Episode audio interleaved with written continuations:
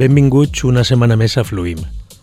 Esta edició estarà dedicada íntegrament per a parlar amb Borco, o també conegut com Alexor. Ell és el propietari de Filler Records i avui mateix publica un àlbum de Cuca Negra. D'este àlbum, de la trajectòria de Orco i de la proposta que té preparada per la setmana que ve en 16 tonelades, anem a parlar. I per a introduir l'entrevista anem a fer-ho escoltant Les Bèsties, tema de Cuca Negra. Are you all ready for the Glue Experience? We hope so.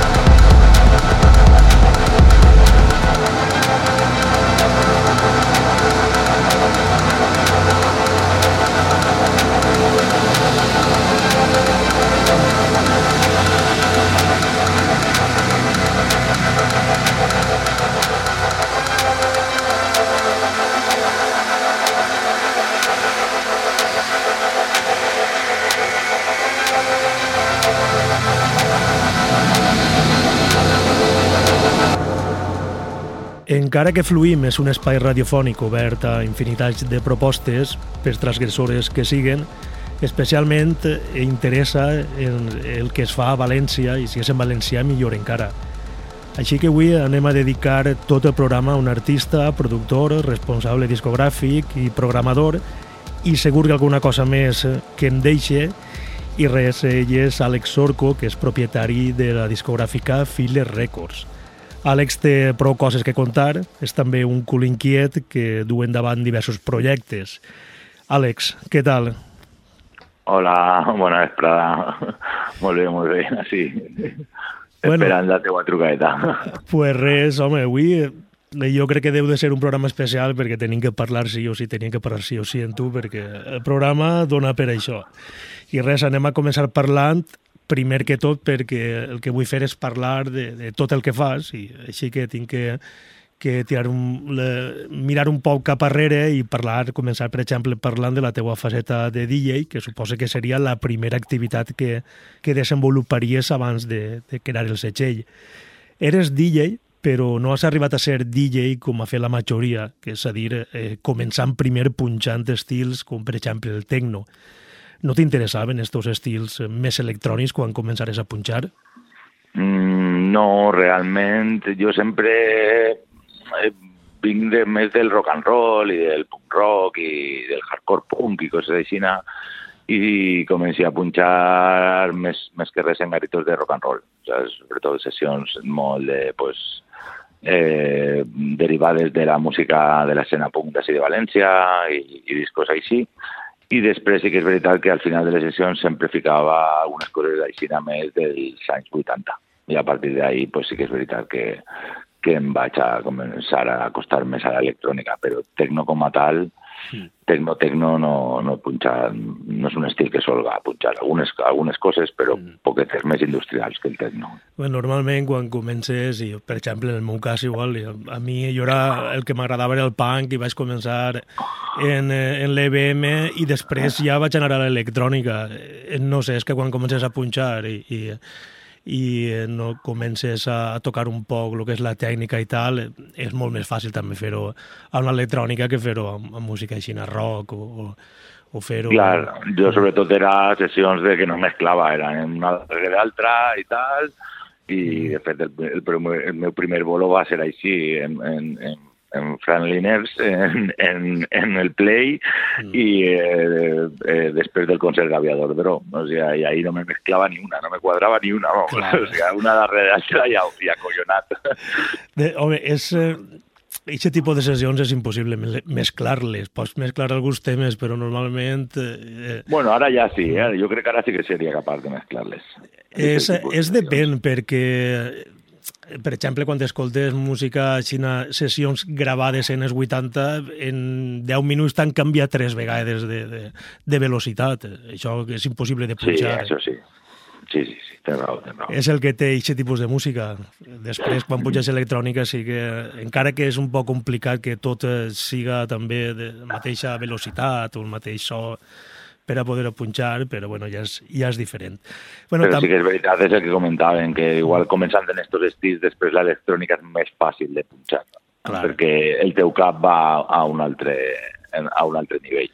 Almenys jo ho he notat molt, jo, jo crec que podem, la gent que hem punxat estils així més, més tirant al post-punk o més tirant mm. a això, com són velocitats molt diferents, eh, a l'hora després de pinxar una sessió d'electrònica més dura o més tecno i tal, que són ritmes més 4x4, per a mi per a mi almenys és més fàcil de mesclar que, que una cosa que vinga de bateries o de caixes de ritmes analògiques que se desquadren i coses així, o el, o el que tu dius de l'EBM. Jo sí. per això també vaig començar també l'EBM, així, més, més, més a punxar més seriosament.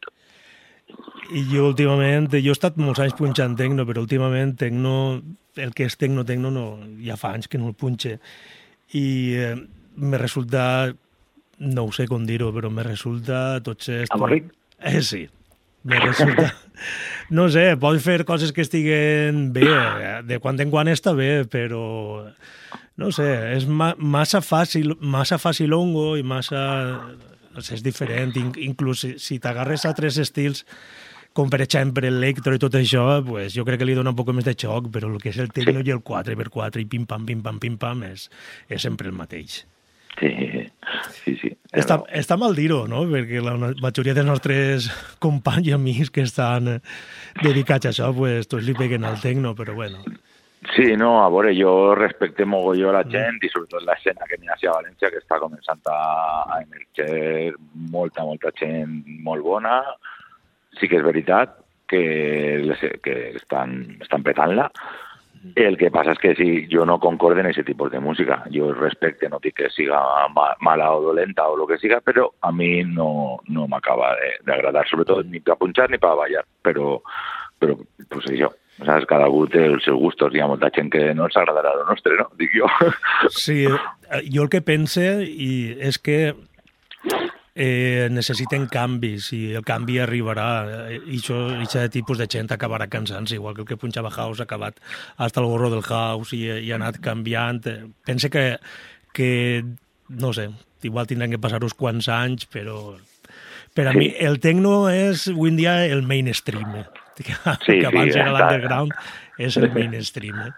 per sí. molts que alguns sectors així de València vulguin donar-li tant de bombo i tant de... No sé, tampoc vull clavar-me en ningú, però per a mi és, és el mainstream avui en dia. Sí.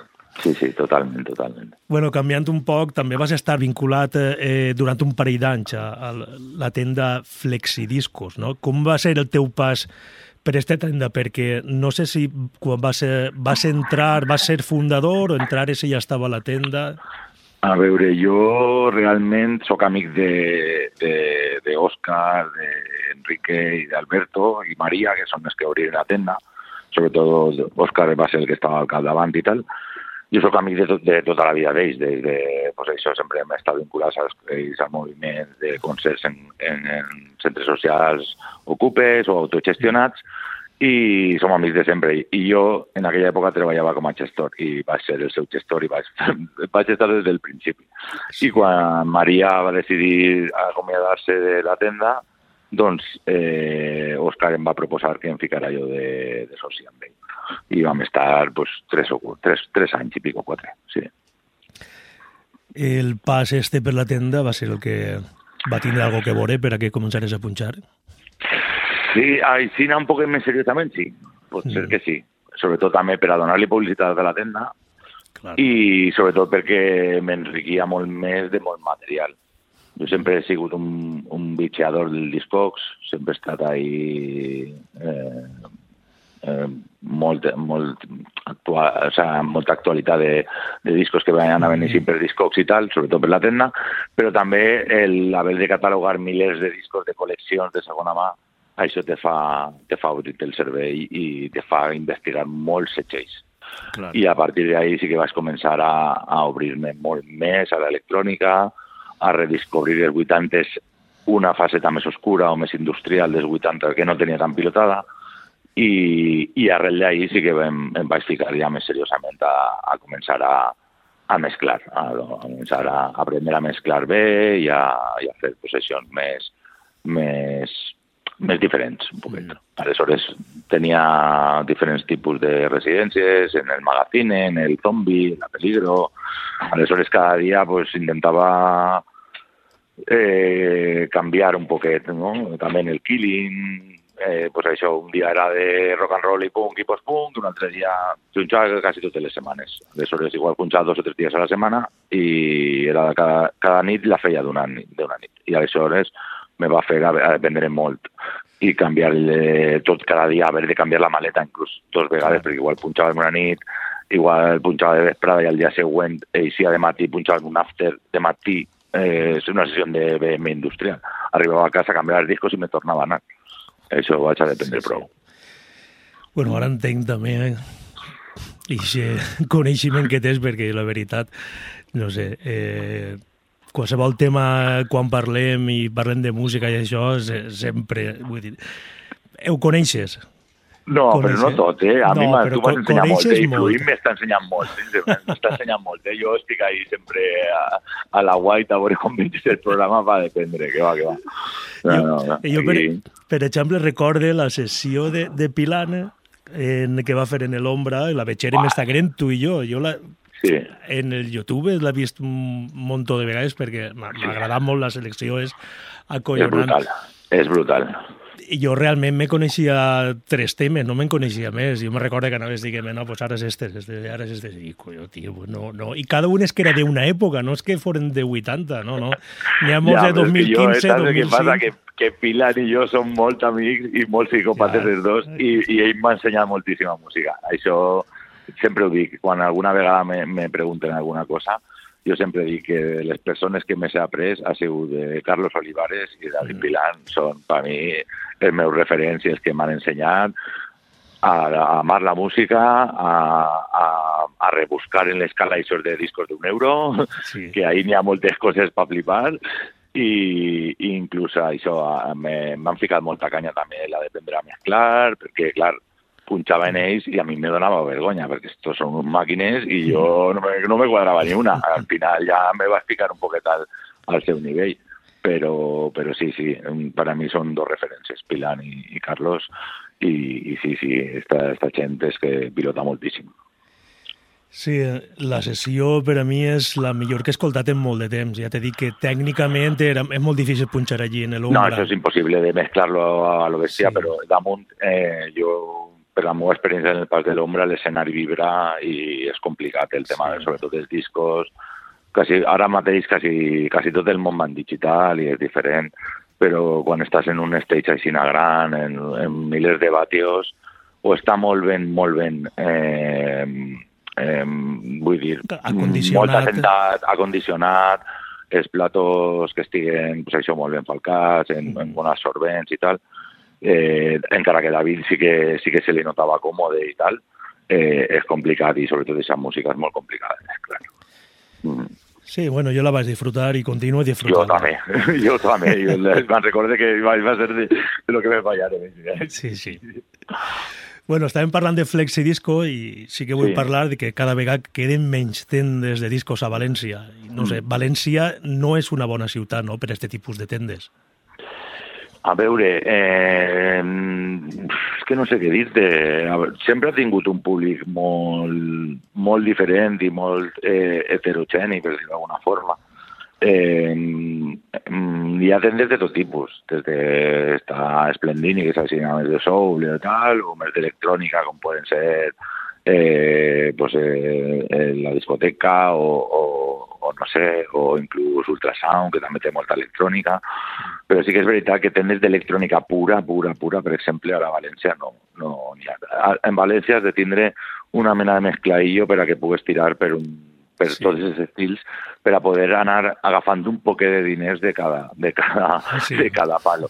És el que em passava a nosaltres. Nosaltres en Flexidiscos teníem, diguem, el target de públic era més la gent del, del punk i de rock and roll, sí. pues igual com i tal, i també, pues, per exemple, de rock and roll també està Devil Records, que és una tenda de rock and roll de les més mítiques de València, per exemple, o Amsterdam, que també té molt d'indie, molt de rock i tal.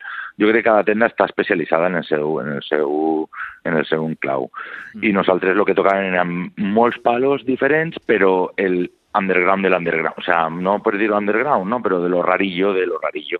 Yeah. Aleshores, pues teníem el target ese. I sobretot i també pues, el tema de vuitanteo, però també el rarillo, saps? Aleshores, ahí, ahí teníem el nostre target, això en Flexi. Sí, sí.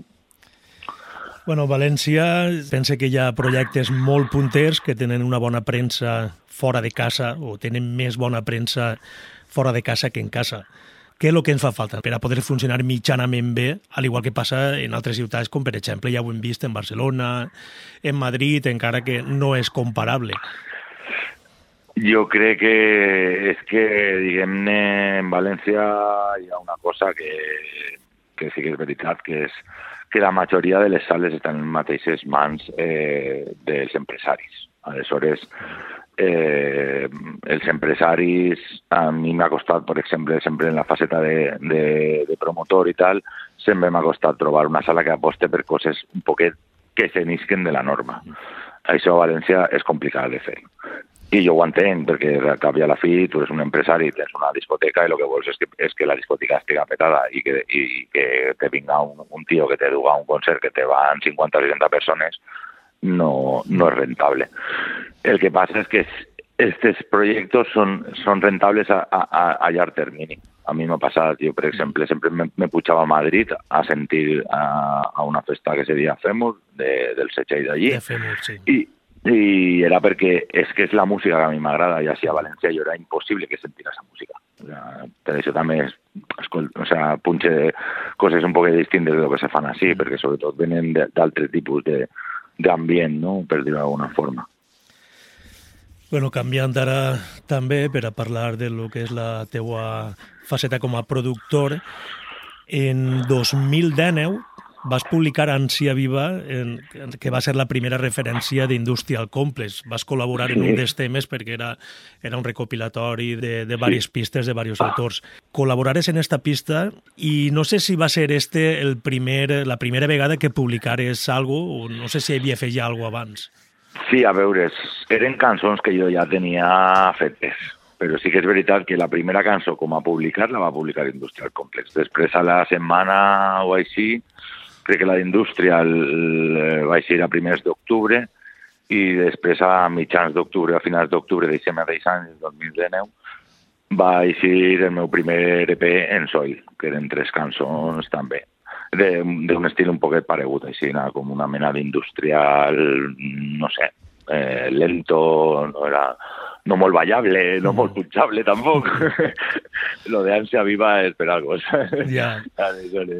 eh, sí, sí, va ser, va, ser, va ser la meva primera cançó. Jo vaig... No, no de, les, de, de les que vaig composar, perquè sí. després al temps sí que vaig publicar un disc que n'hi havia cançons molt més antigues que aquestes cançons, mm -hmm. però sí que com a publicació, la primera publicació de l'Exor va ser, va ser en Industrial Complex, sí.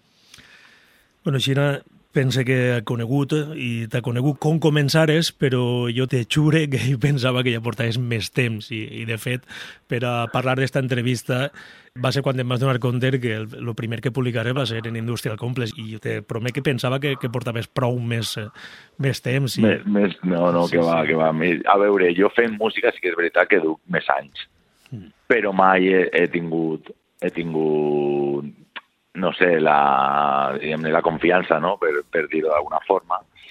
I va ser arrel de conèixer a, a Sog, el, el capdavanter de, de Soil Records, mm. que ell, quan va sentir el que feia, me va dir, tio, estàs pardal, eh, comença a publicar ja, per favor, eh, i ha sigut arrel d'estar molt de temps en ell, mm. eh, el que he començat a, a donar-li vida a les cançons que, que creava en casa, sobretot perquè al principi creava d'una forma molt molt austera, era, les gravacions quasi tot eren en estèreo. Jo sí que és veritat que no sóc productor com a tal, totes les cançons les gravo en directe i, i les gravo en directe de, en, una toma, després les, varies, les faig diverses vegades i, i, i agarro la que més m'agrada i ahí començo un poquet a treballar per pistes la, lo que és l'equalització i tal, però el que és la toma està tot gravat en directe. Totes les meves cançons que he fet estan en directe.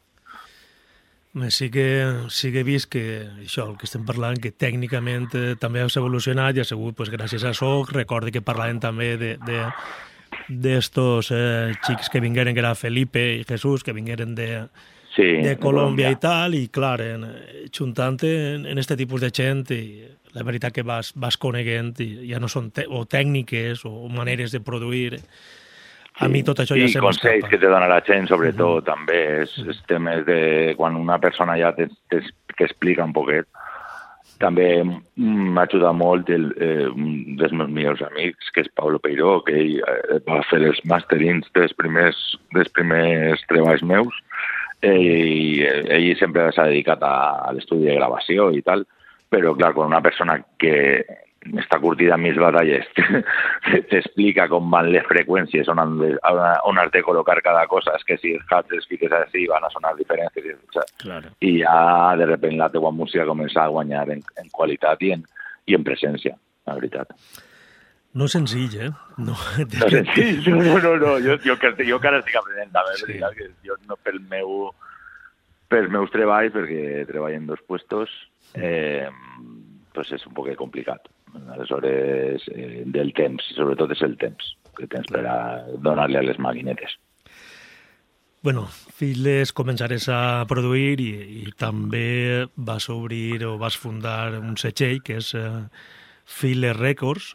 Bueno, este sí. setxell sí que va néixer un parell d'anys abans, que en 2017, amb el llançament sí. de, de l'àlbum de Sarin. Sí.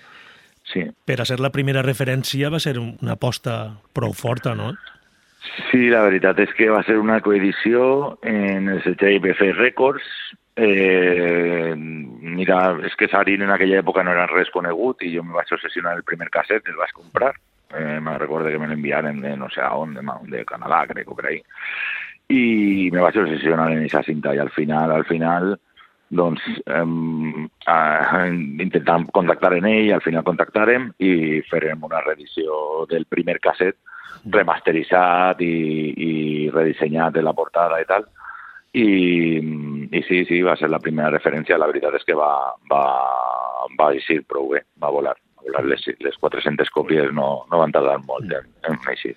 De quin any era l'original? L'original era de 2015, crec. Ah, vale. Sí, no, no era, era el primer casset que va gravar ell.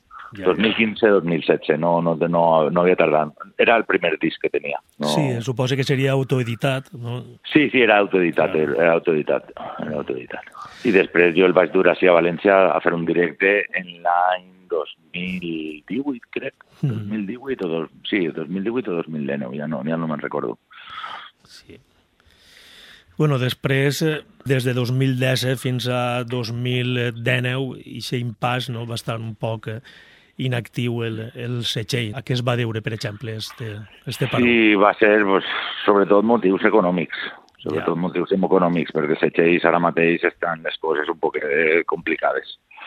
En 2019 vaig entrar a col·laborar en, en la que era ara és la meva casa, que és, mm, jo pertany que junt a, Javi, els dos duen també Envelope Estructura, que és una distribuïdora de discos, la vam dur des de feia molt de temps i, mm, i arrel de, de tornar a estar en un poquet en el món de, de, dels discos i tal, perquè sí que és veritat que vaig passar una època fotuda per el tema de tancar la tenda de discos i, i la relació en, en la persona en la que, en la que havia tingut aquesta tenda, Mm. doncs em, em van fer eixir-me un poquet de la música, la veritat. Aleshores va ser un, un cúmul de situacions, no? Un poquet ahí de, entre, entre diguem-ne, el, poder de pèrdua d'economia de, de, d'economia i el tema d'estar saturat també per la tenda de discos i tal, i pues això pues, vaig decidir parar un, parar un temps. I aleshores, quan vaig començar a col·laborar en Envelope Structure, mm, vaig començar a, a donar-li més canya, la veritat. Ja. Està complicat, no? Avui en dia estan els preus, s'ha disparat... Està clar que s'ha disparat tot, però en el tema de, de, dels setxells, no sé, te puc donar, per posar un exemple, els de Pink Records, que estan tornant a, a planxar els discos. Pues estan planxant-los, estan venent-los a 25 euros. És que és un EP. És que 25 euros és, és, més, és de, locura. és que és més del doble. És una locura. A veure, jo te puc parlar dels preus de cost, inclús perquè jo treballo en, en fàbriques i tal, arrel de la distribuïdora, i sí que és veritat que els, que els preus de cost han, han pujat quasi, quasi un 30, un 35%, 35-40%. Sí que és veritat que el que està passant també és que els setxells, els que, el que estan intentant és votar-se un pas, intentar col·locar, votar-se el pas del, del tema de tindre un distribuïdor, intentar eh, mitjançant les noves tecnologies que hi ha, pues, intentar contactar amb els distribuïdors més grans de, de venda, intentar vendre directament ells a, al consumidor final, que guanyaran un bon més percentatge, i ahorrar, estalviar-se el que és eh, eh, un distribuïdor intermedi, no? que és el que te fa col·locar les, els teus discos en quasi totes les tendes o en quasi tots eh, les distribuïdores grans i tal. I això s'està veient des de fa, des de farà pues això, un any, un parell d'anys, des de la pandèmia, sobretot. Sobretot ha sigut això. I el, entre l'augment de, de, ma- de les matèries primes i, i la, i diguem-ne, eh, el, la intenció del setxell, sobretot, pues està, està intentant, el que intenten és vendre ells per si mateixos perquè realment eh, a un setxell li queda un marge xicotet, igual que a una distribuïdora li queda un marge molt xicotet. El que guanya un poc més de diners sol ser el venedor final, aleshores si un setxell directament per banca ven al venedor, al comprador final, ahí guanya quasi, quasi un 50% del, del preu de cost. El tema és que està posant-se un poc impossible. Jo, de fet, ara acabe, acabe de rebre el test pressing de la sisena de referència, Mm. que serà un doble LP d'un d'una reedició d'uns discos, unes cançons del 89 al 92 de l'artista Lawoski, que és part de Nagatmatsu, una banda de culte dels 80 anglesa, un poc rara, i és una reedició del principi del Neubit i del tecno, del tecno alemany, aixina, de, però dels principis del tecno Sí, sí. i tal, que no té res a veure en el que és d'ara, però, però la veritat és que pues això m'ha tocat estalviar molt per a poder, per a poder Clar. dur a, a, a terme este doble LP. És un doble. I el fet al que em referia jo és que tu, per exemple, operes com a associació cultural Sí. i hi haurà molts setxells que, no per res, sinó perquè abans eh, trauies un disc eh, o un casset o el que fora i era, el marge era tan xicotet, no, no, no era tan car, però ara els preus s'han elevat. Clar, Mhm. eh, una persona eh, física normal no, no pot plantejar-se eh, portar un setxell i, i, per a guanyar-se. No, no, és que els gastos que tens són enormes i al final eh, el, tens que optar o, o fer-te empresa Però bueno, eh, o fer-te... eh, a veure, els gastos són iguals. Els gastos, dic- els gastos com a tal són iguals, perquè a mi me toca pagar impostos. No, La però jo el que diferència- dic, jo el que dic és, és molta gent que, que ho feia sense ser empresa i, i ho feia sense Ho ser... feia en negre. Clar, perquè tota la vida s'ha fet així. I, i, Sí, i sí, clar, però- avui en dia els gastos són enormes i, i, i normalment si tu t'entren diners o t'ixen diners, pensa que van a caure, de, de setxells van a caure un muntó, perquè és precís que caiguen. Sí, a veure, la, este, el tema de les associacions culturals, jo era, el que mm, me n'adonava és que sempre estava jo ficant els diners meus de, de, per, a, per a poder fer-ho tot. Aleshores, el, quan el setxell ha sigut més o menys autosuficient, és a dir, que ja genera, diguem-ne, un, un, unes vendes en Bandcamp, unes vendes en, en altres distribuïdores, en altres tendes i tal, jo el que volia era, de, de, diguem-ne, llevar-me del mig i per això vaig crear l'associació cultural, perquè sobretot eh, al cap i a la fi eh, el setxell s'autogestiona ell mateix, eh, no, no he d'estar jo darrere. No té cap benefici perquè jo tribute com si fos una empresa sí. i he de presentar els impostos com si fos una empresa i me toca pagar impostos com si fos una empresa però almenys no està vinculat el meu compte corrent. El que volia jo era, diguem-ne, pues això, que el, seu, que el setxell tinguera una entitat pròpia, no? Aleshores, amb això pues, ja pots accedir també a distribuïdors internacionals perquè tens un número de bat i Mhm. altres coses, no? És un poquet... Van per ahí estic. I sobretot el que vaig fer va ser l'associació cultural pel tema de que realment jo també a través del setxell sempre he estat muntant concerts. Aleshores, eh, ho veig com una cosa cultural. Eh, i, i de fet pues, pues, pues continue, continue fent-ho. No molts, però Això demostra que ho fas perquè t'agrada. sí, perquè palmar és palmar la vida, ja t'ho dic jo. Saps? Avui en dia el que vol muntar-se una discogràfica per, a- per a guanyar-se pasta eh, ho, té- complicat. Ho té complicat. Hombre, eh? o fas lo que tu dius, o, o te fiques en el món del mainstream i tal, o... Mm, és difícil. Sí, està complicat, està complicat. El món de la música ara mateix està complicat, sí. Però bé, Sobretot perquè, le, perquè, Claro. perquè els estats no donen ajudes. Sí, sí. És a dir, eh, si se potenciara en compte de, de moltes cos, altres coses que te se potencien en, en, en la, diguem-ne, en la cridada cultural no? de, Mm. de- d'un país, perquè, per exemple, que tu no pugues tindre una subvenció per editar una música d'un artista, està clar que moltes vegades sí que tenen eh, promoció o tenen eh, dret a subvencions quan editen artistes de la mateixa comunitat o la mateixa... Mhm, però, sí. però sí que és veritat que moltes vegades si te'n vas fora d'aquest tipus de, de, de, mm, de cercles és un poc més complicat. I sobretot ja si te tires un poquet de la música un poc més estranya ja... Impossible. Sí, impossible. Bueno, parlant de música, avui mateix publiques un nou àlbum de Cuca. Negra, no sé què és, què és el que pots contar d'este artista, perquè el que he vist és que, a més de Cuca Negra, treballa també amb altres noms i, i té prou Sí. coses publicades. Sí, eh, el Sigues Ivan, eh, doncs mira, pues, vaig conèixer, vaig pues, rebuscant i rebuscant i tal, vaig trobar un recopilatori de CC Tapes, que és un, que és un setxell americà, i, mm, i res, m'ha agradat molt la cançó i, i jo és que moltes vegades els artistes els busquen d'esta forma a veure, sí que és veritat que algunes coses m'entren del setge m'entren demos i tal, però a mi m'agrada molt rebuscar-lo. Aleshores, soc molt d'anar sentint música i, i, i si m'agrada, pues, li escric un mail a la gent. I este xic pues, va respondre. Aleshores, i la veritat és que molt bé, la veritat és que és això, en estos, en estos últims tres anys s'han editat 21 cassetes, des del 21, eh, i discos, pues, Sarim va ser el primer en, en el 2017 i ara per a 2023 anirà el sisè. No, ni que, o sigui que, més o menys, la veritat és que estic prou content, per haver-ho pagat tot jo, pues imagina't, és molt valencià, jo pagué jo, ale, la palmes també. Sí, sí, sí, ho sé, ho sé. Bueno, eh, del, del disc de Cuca Negra és un àlbum completíssim. Està molt xulo, està molt xulo. I, i quan, i quan Ivan t'explica un poquet la història, de fet, a mi em va, anar, em va fer anar-me'n i tot a, a, a estudiar-me perquè, perquè és molt, molt guai la història que, que va fer.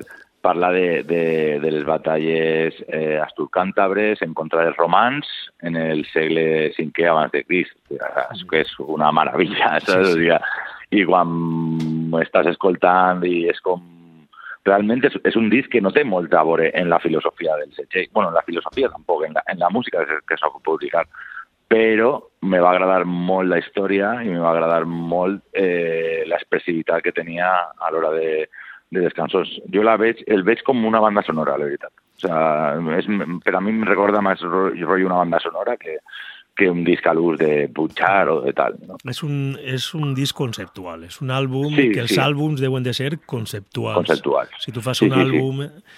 te l'has de currar, no, no, totalment, pots, no totalment. pots eh, pillar tema d'ací, tema d'allà, no, no. És el sí, que penses, el que, és el que pensa, i ho fa la majoria. Molta gent sí que no, però però és el que pense, deu de tindre una història i, de, i deus de contar alguna cosa i, i deus de fer algo diferent al que has publicat quan has publicat en un senzill. Sí, no, no, està clar, està completament. Jo, per exemple, jo quan vaig publicar el primer, eh, pues va ser un mini LP, perquè van ser vuit cançons i tal, però de durada va era prou intensa també, saps? Eren com rollo 70 minuts o una cosa així. Eh, era això, tenia dos parts, era una era futuro i una altra era passado. O sigui, eren cançons antigues però que tenien una arrel i després cançons noves que tenien una nova llum. No? Era un poquet així. I la veritat és que el que m'agrada del Setxell és que no té un criteri com a tal. És a dir, jo publique el que m'agrada. Claro. I, el, I el criteri de Setxell és el meu gust. I si et fixes, hi ha discos de synth-pop, com hi ha discos de BM, com hi ha discos de tecnoindustrial, hi ha discos de, de música més conceptual com la que acabem de parlar, eh, hi ha reedicions, hi ha pues, això de, de de Tecno Raruno, que el de Asimètrica, l'últim, per exemple, que és super, super guapo el disco, també molt raro, però molt xulo. M'agrada molt, m'agrada molt aquest disc. Sí, està molt guai. També és molt conceptual, és un LP, no és, sí. no és un disc de punxar, igual tens tens una cara que és més d'escoltar i l'altra cara sí que és més de punxar. Jo el punxe. Però també... Sí.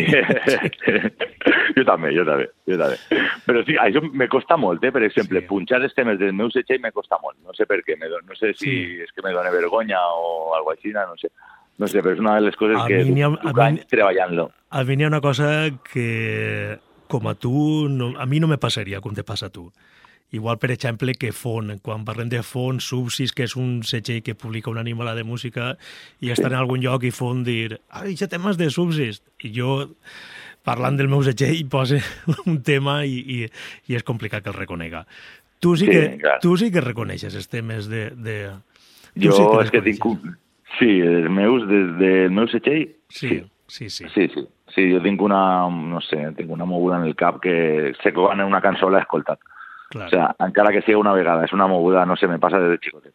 Però siga de rock o siga de tal, i, i sobretot, pues això, és com tinc una memòria fotogràfica sí. o alguna cosa així, no sé com, no sé com dir. Sí, te passen els noms.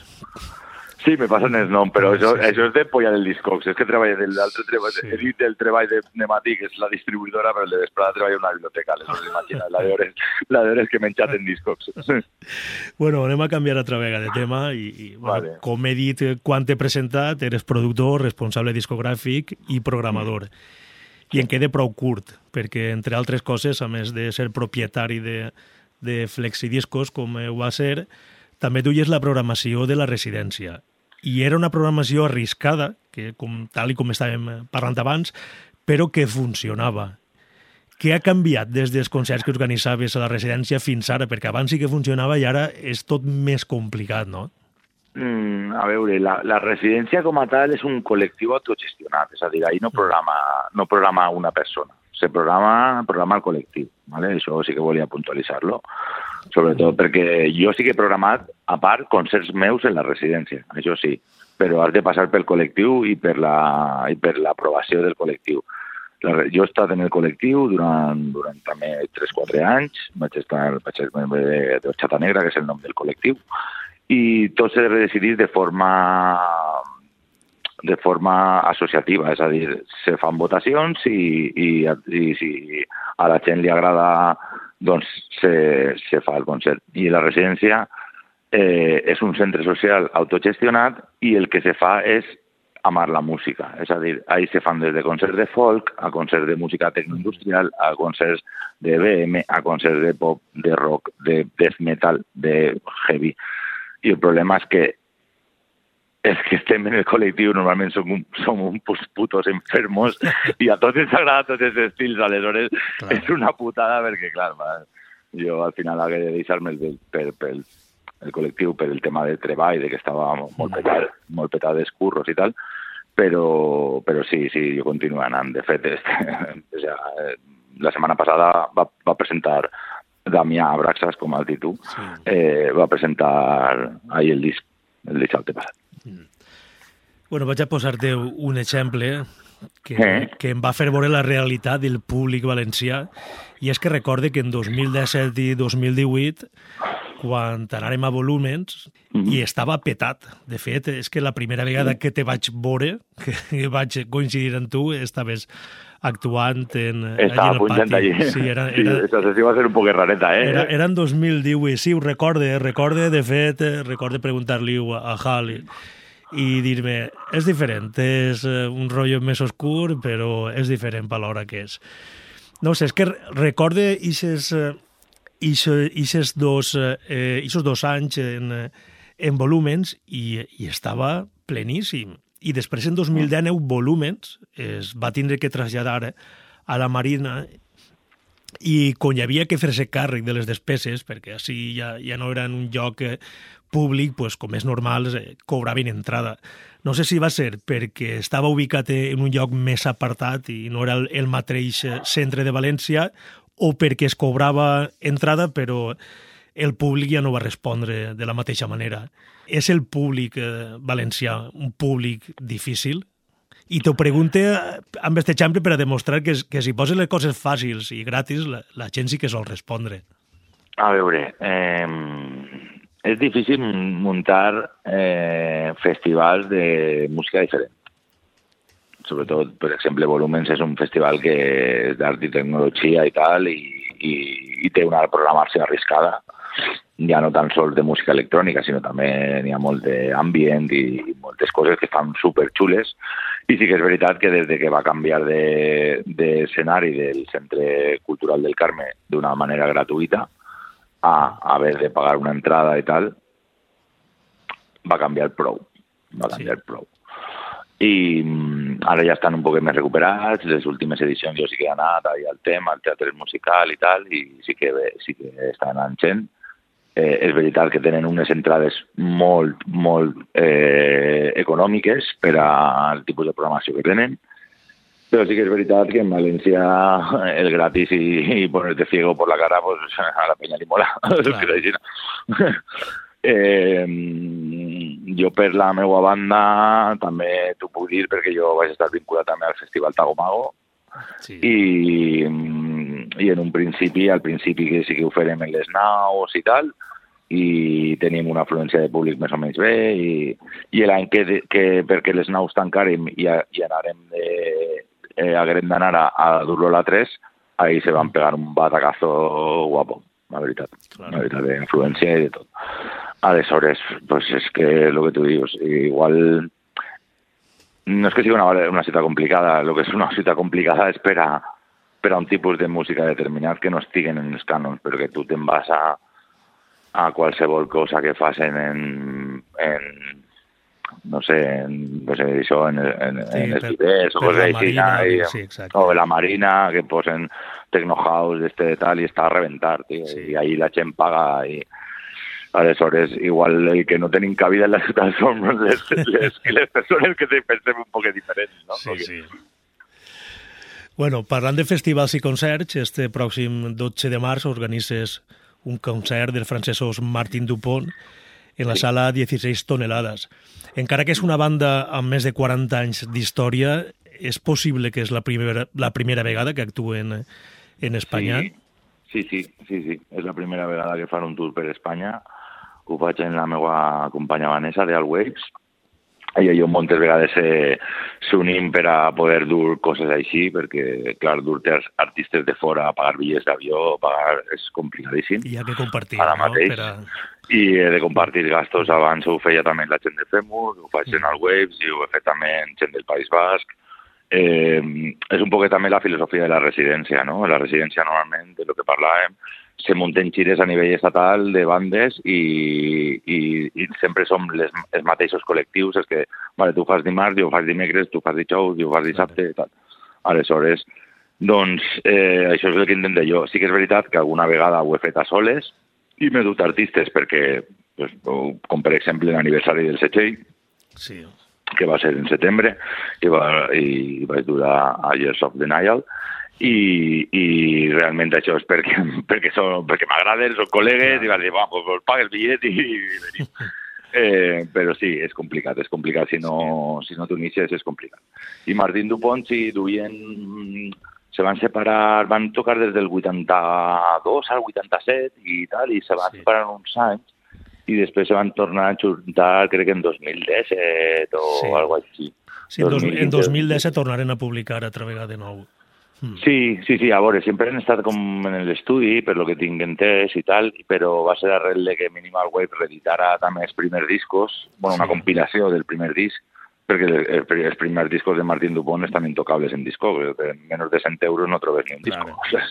Sí, sí. I, I la veritat és que és una banda que m'ha agradat sempre. Jo, de fet, mm. la reedició de Minimal Wave en, en flexidiscos, no sé si vendria 25 o 30 còpies segur de la, de la tenda, i, i clar, quan me vaig assabentar d'això, ho vam parlar Vanessa i jo i van dir, hòstia, hòstia, anem a fer-ho. Sí. Va ser molt complicat, va, sabem que va ser molt dura a nivell econòmic perquè són sis persones més, més el tour manager. Sí. I, i va ser complicat perquè a València últimament, pues, sobretot és el que te comentes, una banda molt coneguda a nivell internacional, eh, peten festivals i tal, però en nivell estatal, eh, així, no sé. És que serien de lo, de lo raro de lo, del 80, no sé, perquè, vamos, se suposa que, sí. que València era una de les capitals del, dels 80, però jo a tota la gent que estic preguntant de l'època i tal, quasi ningú es coneix. Aleshores, jo m'he sorprès prou, la veritat. Sí, jo no els coneixia. Per exemple, Trisomí 21, perquè igual sí. que Cas Product, Opera Multistil, sí, sí. que eren unes poques bandes eh, que, que franceses, que són les que crearen el Cold Wave, mm -hmm. i és, és un estil un poc estrany. Un sí, poc... és que són més oscurs jo crec. Sí, és, eh, i, i, i molt diferents d'una banda a una altra. Ara mateix... Ah, no, clar, clar, sí, avui, sí, avui, en aquella avui, època sí. Avui mateix he estat veient l'últim concert que, que m'han fet esta setmana d'òpera multiestil que ha estat en Brasil, en, mm. en, en el sello, en Wave Records, que, que com és, era carnaval i això, el que els han portat i els portaren en el 90, mm. i jo què sé, és diferent, és molt, molt, molt, molt diferent i, i cas product que estiga també posat en la mateixa en el, en el mateix tipus de música és que no, no sembla en res i... Ja, jo crec que és que, per exemple, cas product és més tirant al punk, per sí, a mi, sí, per sí. exemple. Òpera multiestil jo sempre l'he vist com una mena més sinfònic, més tirant a la New Wave, mm. per exemple. I sí que és veritat que Martín Dupont, encara que siguin més tirant també a, a, a la New Wave i tal, tenen un component més oscuret i de ritmes més electrònics que, que podien tindre, per exemple, Trisomy 21, que, que, que encara que duien caixes de ritmes també en directe moltes vegades duien bateria, Sí, per sí. exemple. Sí, jo pense que de, de tots estos grups, eh, Trisomi 21 va, tenia un tema que era la, la, La fiesta triste. la fiesta triste, sí, i clar, aquest tema sonava en moltíssimes Això a sales per Valenciana tot va arreu. petar moltíssim, sí, sí, Sí, sí. sí, sí. Sí, sí, totalment, totalment. Però bé, pues res, eh, anem a acabar ja i dir que este pròxim diumenge 12 de març a les 8 de la vesprada actua Martín Dupont en València, en la sala 16 tonelades, que és una bona oportunitat per a veure una banda mítica i a més de Martín Dupont també actua Túnel i un tal Orco, que Orco ja sabem qui és, però qui és Túnel? Túnel realment no, no, jo no el conec. Pues vas a fliparla en colors. Sí, Túnel és un artista d'ací, és tono inglès, és un amic nostre, és amic meu de sempre. El que passa és que ja ha estat un poc parat, toca quan li dona la gana, no és un tio que saps, és, molt, és molt seu, però és, és un geni, és un geni i fa, fa unes coses superxules, es fa com una mena de cold wave també un poquet més, més oscura encara perquè té una, vol, una veu molt greu i, i la veritat és que estava tornant a tocar, bueno, estava tornant, va, va tocar, però duia un, un parell d'anys que no havia tocat molt, la veritat, estava un poc parat.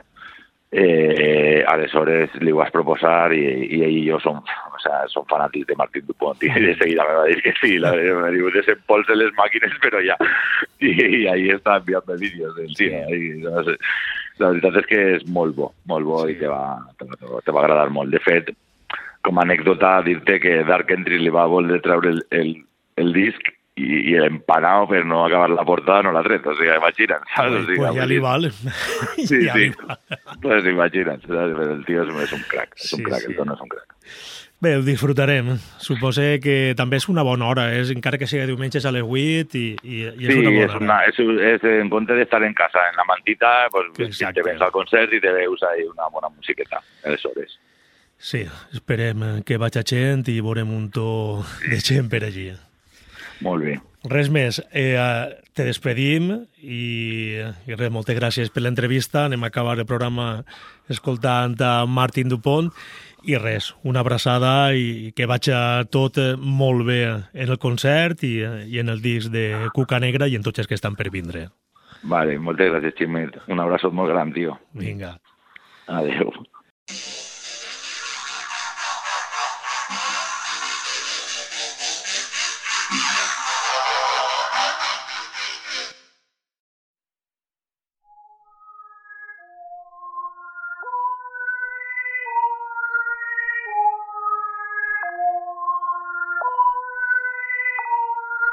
Amb eh, Just Because, pista que dona nom i obre el primer àlbum de Martin Dupont, acabem esta edició. Així que vos espere per a la pròxima setmana i res més. Salutacions de Ximo Noguera des del Cira Ràdio i també per a la xarxa d'emissores municipals valencianes.